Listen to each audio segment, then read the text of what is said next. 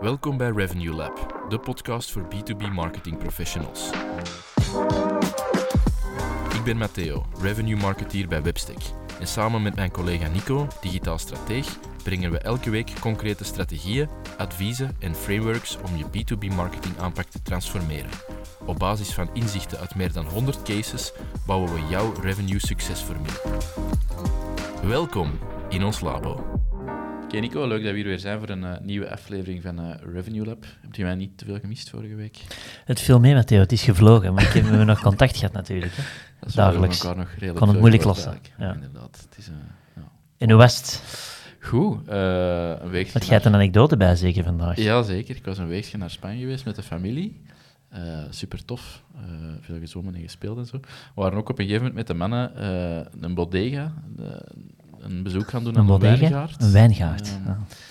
Voor een tasting en zo, en een rondleiding. Mhm. Ik vond ja, super tof natuurlijk, ook een paar flessen gekocht. Maar ook iets heel frappant meegemaakt. Eh, we krijgen daar een heel enthousiaste, toffe rondleiding. En achteraf eindigen we dan in een soort van eh ja, viewingzaaltje waar een groot scherm staat. En dan zeggen ze, voilà, eh, je hebt het verhaal gehad, de rondleiding gehad, maar we hebben nog eh, een video dat we jullie graag willen laten zien. Ah. Met dan heel de historiek nog eens samengevat en heel schoon dronebeelden en zo.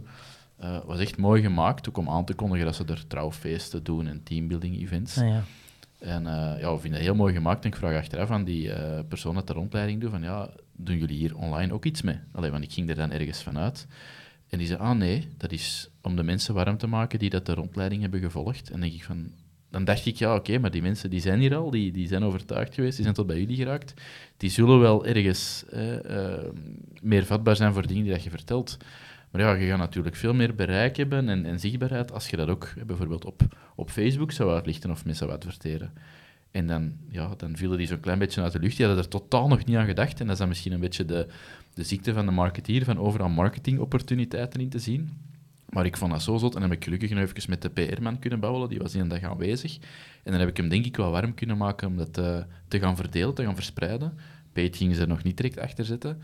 Maar ja, gewoon het idee van, ja, er lag daar content eh, in een hele mooie video, die werd gemaakt, er was in geïnvesteerd, en die werd dan aan een heel klein, beperkt publiek, dat eigenlijk al overtuigd was, getoond. Hmm. En ik, ja, ik vond dat zo frappant, en, en dan dacht ik van, oei, er moet bij veel organisaties nog heel veel goede content liggen, die dan niet wordt verspreid of gebruikt, omdat er eigenlijk, helaas misschien, ondanks dat het een van de meest oude tactieken is, eh, ja, content nog heel veel onderbenut is, op een of andere manier. Ja, Eh, ja, ja, ja. en dat vond ik wel eens een interessante, sorry voor de lange intro misschien, maar van daar vandaag op in te zoomen, het is, het is een van de meest ingeburgerde tactieken, maar ook een die het vaakst ja, toch nog wel mismeesterd wordt, denk ik. Ehm, Hm.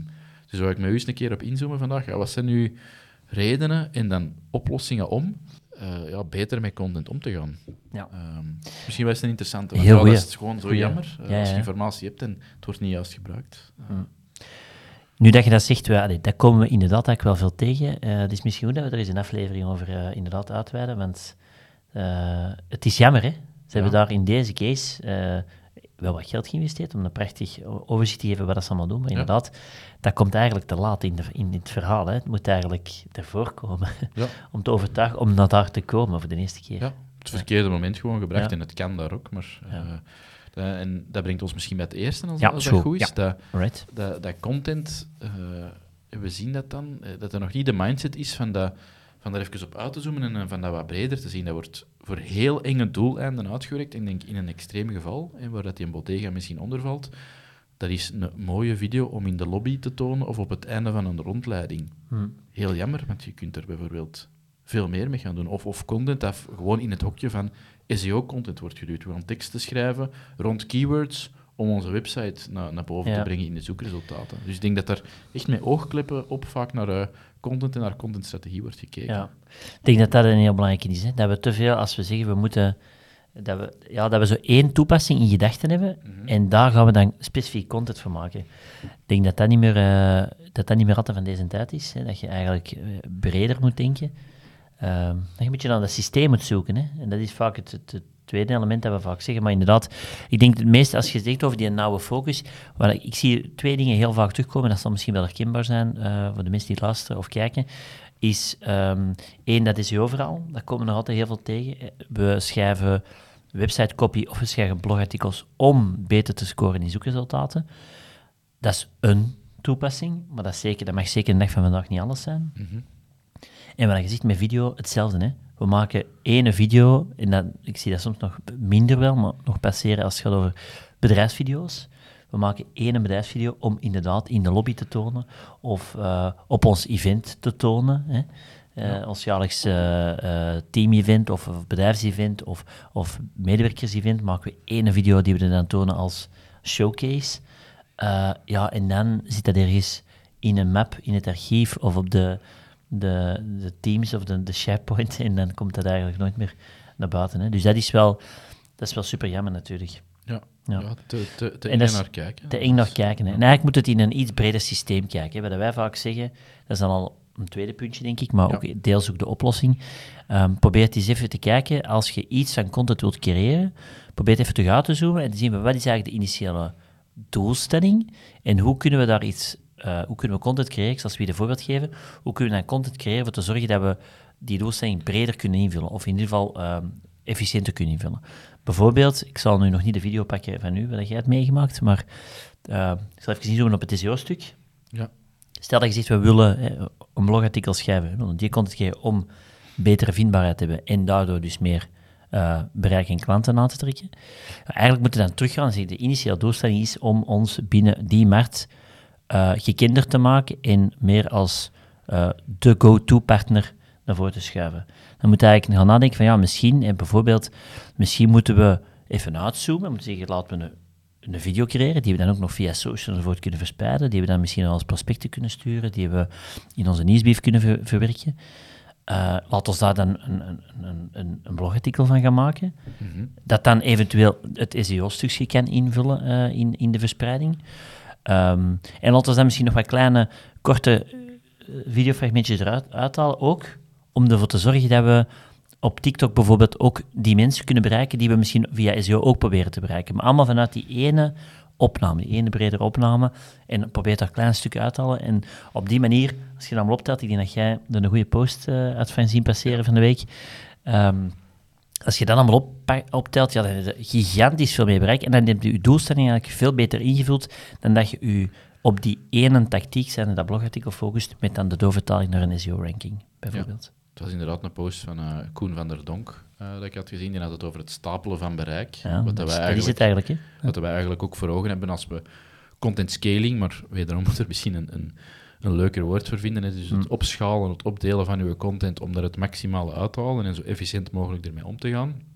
Uh, het komt er eigenlijk op neer dat je een, een, een bredere opname maakt en daar dan bijvoorbeeld uh, videosnippets van maakt, uh, blogafgeleiden van maakt, visuals uithaalt, zodat je uit één captatiemoment ja, een 5, 6, 7 tot misschien 15 of 20 assets haalt. En door die op je verschillende kanalen te verspreiden, ja, je mocht eigenlijk dat bereik allemaal bij elkaar optellen. Want dat heeft ja, natuurlijk te maken, of dat vertrekt allemaal vanuit één captatiemoment, vanuit één centrale asset, waar je altijd terug naar kunt verwijzen, bijvoorbeeld.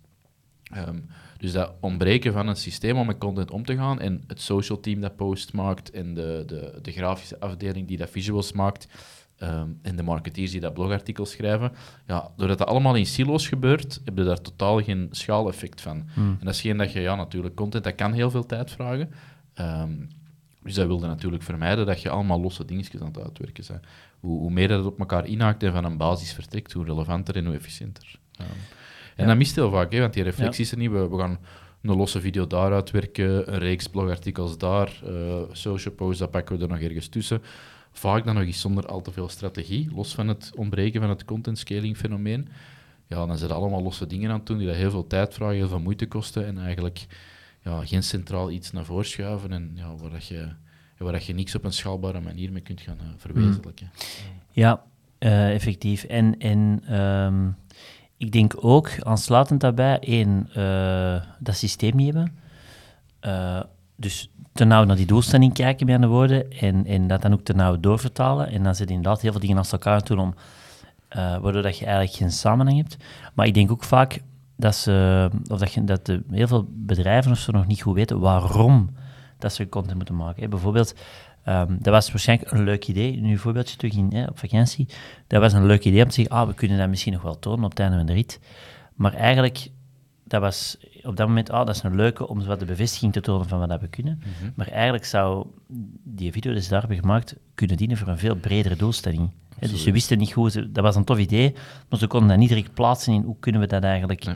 op de juiste manier voor ons bedrijf inzetten. Dat was eigenlijk de reden waarom dat we dat zouden maken, überhaupt los, dat er los van het feit dat een tof idee is. Ja. Dus inderdaad ook niet zomaar content maken, maar kijken naar wat zijn de verschillende fases in de, in de funnel of Ja. in de journey. En eh, waar past dit idee ergens? Of waar, past, eh, eh, of waar gaan we starten? En hoe gaan we dat dan Ja. doorvertalen naar, naar afgeleiden om de andere fases te ondersteunen? Ja, bijvoorbeeld? inderdaad. Van, van on- ons leren kennen tot uiteindelijk de bevestiging vinden dat wij de juiste partij zijn. Wat zijn de stukken van content die we nodig hebben? En wat is dan de meest efficiënte en de meest effectieve manier van content creëren om ervoor te zorgen dat we aan die doelstelling voldoen? En dan de, de video die ze daar hebben gemaakt, ja, is, past eigenlijk bij een andere fase in dat beslissingsproces. Eh, dus ze hadden heel wat andere stukken content naar voren kunnen schuiven die efficiënter hadden geweest, denk ik. Ja. Maar oké.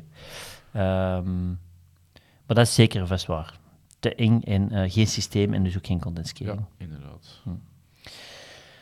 Ehm, misschien een ander puntje, waar wij ook wel daar aansluitend wel zien komen. Wat gebeurt er? Ze, hebben, ze bekijken het te eng, de content waar dat ze het voor creëren. Dus eigenlijk de toepassing eh, hebben ze te eng eh, ingevuld. Hè. We gaan dat blogartikel schrijven voor SEO bijvoorbeeld. Eh, wat dat maakt dat ze heel veel, en ze hebben geen systeem er rond dus dan beginnen ze heel veel content te maken, omdat ze het, het idee hebben, ja, we moeten zoveel maken om één op TikTok iets te doen, één op LinkedIn iets te doen, één op, op onze website genoeg eh, eh, ehm, snelheid te hebben en in onze e-mails naar ons prospect en onze klanten genoeg te doen, dat ze zoveel initiatieven beginnen uit te werken, dat ze, wat wij merken, dat er vaak... ehm, dat het heel magere content begint te worden. Omdat men gewoon overal, hè, men heeft geen focus, men heeft dat systeem niet rondhangen, men heeft geen rode draad. Dus ze hebben wat focus verliezen, ze verliezen wat focus eigenlijk, en ze beginnen heel magere content te maken, zonder veel diepgang. En ik denk dat dat ook wel ja, heel veel van het potentieel van content ehm teniet doet, omdat er gewoon te weinig ehm, diepgang is in de content die dan wordt gecreëerd. Hè. Dus een deeltje efficiëntie. Ehm, en wij zien vaak dat dat komt door ja, kennis, gebrek aan kennis, gebrek aan productkennis, gebrek aan marktkennis, waardoor dat zo artikels worden, een beetje MeToo- MeToo-artikels worden, die, eh, waar het internet de afgelopen tien jaar zeker met volgeschreven is en waar het op dat moment geen bijdrage geeft en dus ook zeker geen overtuigingskracht heeft naar potentiële klanten of naar eh, eh, eh, klanten in het algemeen bijvoorbeeld. Hè. Dat is eentje waar we veel zien terugkomen. Hè. Ja, ik denk als je volume wilt zonder systeem, Ja. dan zit je gewoon heel veel aan het schrijven en aan het uitwerken continu. En doordat dat dan vaak, of dat zien we het ook bij veel organisaties, zo in de marketinghoek wordt geduwd, zonder veel impulsen van de technische experts of van de, eh de, de support-collega's, ehm, komt het bij de marketeers terecht, die dat uiteraard van marketing wel kaas hebben gegeten, maar misschien nog niet door en door het product kennen of de noden van de klant. En dan beginnen die ja, redelijk vage, fluwe copy vaak te schrijven, want het is heel vaak textueel dat, dat, dat, dat copy nog wordt gezien of content wordt gezien. Ehm, en dan blijft het inderdaad op de vlakte, of dat is dan herkausel van de drie andere artikels dat er vandaag te vinden zijn. En dan is het maar extra content op de hoop gooien, die dan niet onderscheidend genoeg is om het verschil te maken. Eh, en ik denk, zolang dat je in dat straatje blijft vastzitten, gaat dat met content nooit door de, door de massa breken. Nee, klopt. Ja, dat klopt. En, en ja, het is inderdaad de diepgang, maar ook vaak de tijd aan hebben om dieper te duiken, omdat je initiatieven los van elkaar aan het doen bent. Dus nadenken over dat systeem gaat er eigenlijk voor zorgen dat je ehm, ja, meer authentieke content kunt, kunt gaan brengen, omdat je, dat je een focus hebt en dat je weet waar dat je dieper in moet focussen om ervoor te zorgen dat je maximaal distributie hebt. En toegang tot die collega's, hè, dat wel Ja. experts zijn bijvoorbeeld. dan. Ja. Ja, want dat wordt vaak niet gedaan, eh, ja, ook door tijdsgebrek. Hè. Eh, ja, we zullen wel iets uitwerken en, en we zien dat wel achteraf, maar daar moeten denk ik echt wel van afstappen. Dat Omdat, omdat dat niet mee in de systematiek zit van om iets te schrijven hebben we input nodig Mhm. en we gaan het dan slim batchen, dus we gaan ineens input vragen voor meerdere posts of artikels of, of, of copy dat we gaan uitwerken. Ik denk omdat dat zo een, los beslag op hun tijd vaak is, van ah, kun je daar nog eens input voor leveren of ik heb dit geschreven, is dat goed of eh, ik ben hiermee bezig, kunnen kun daar eens naar kijken. Ja, dat, dat komt ook bovenop hun vaste workload, bovenop de agenda. En die, vraag, en die vragen komen aan een redelijk eh, hoge frequentie, ja, dan laten die dan na verloop van tijd ook los. Maar als je zegt, ja, we gaan bijvoorbeeld ehm, één momentje voor een volledige maand of voor een volledig kwartaal voorzien, dat we input van jullie krijgen, eh, en we gaan dat wat voorbereiden en we gaan al zien dat we niet hebben of een structuur, ja, dan kan dat veel vlotter verlopen natuurlijk. Of je kunt extreem gaan en je expert zelf vanuit marketing aan het woord laten. Hè, bijvoorbeeld een of andere uh, videoconcept of een videoshow uh, of een interview dat je gewoon ja, niet openbaar maakt, maar waarin dat je interviewt en waarin dat je misschien stukken van zou kunnen gebruiken of waarvan dat je de, op basis van de transcriptie content gaat maken. Er zijn heel veel mogelijkheden. Uh, maar ja, je moet natuurlijk de expertise ontsluiten, want ja, iets oppervlakkig schrijven, dat is er al genoeg. Um, iets, iets uitwerken waarvan dat uw doelgroep wakker ligt en waaruit dat echt expertise blijkt, ja, dat is wel de, de, de way forward. Ja. Want van de, de, de vage, dunne content, content-free content zeggen ze dan soms, iets zeggen zonder iets te zeggen, uh, ja, daar is er echt al meer dan genoeg van. De algoritmes worden daar ook strenger op. Als ik het dan zuiver op SEO heb, het herhalen van of het niet diepgaand iets aanreiken, ja, daar gaat het er allee, echt gewoon niet, niet mee doorbreken. Mm. Um, dat straffen ze, allee, gaan ze ook meer en meer beginnen afstraffen als je gewoon uh, uh, losse herwerkingen doet.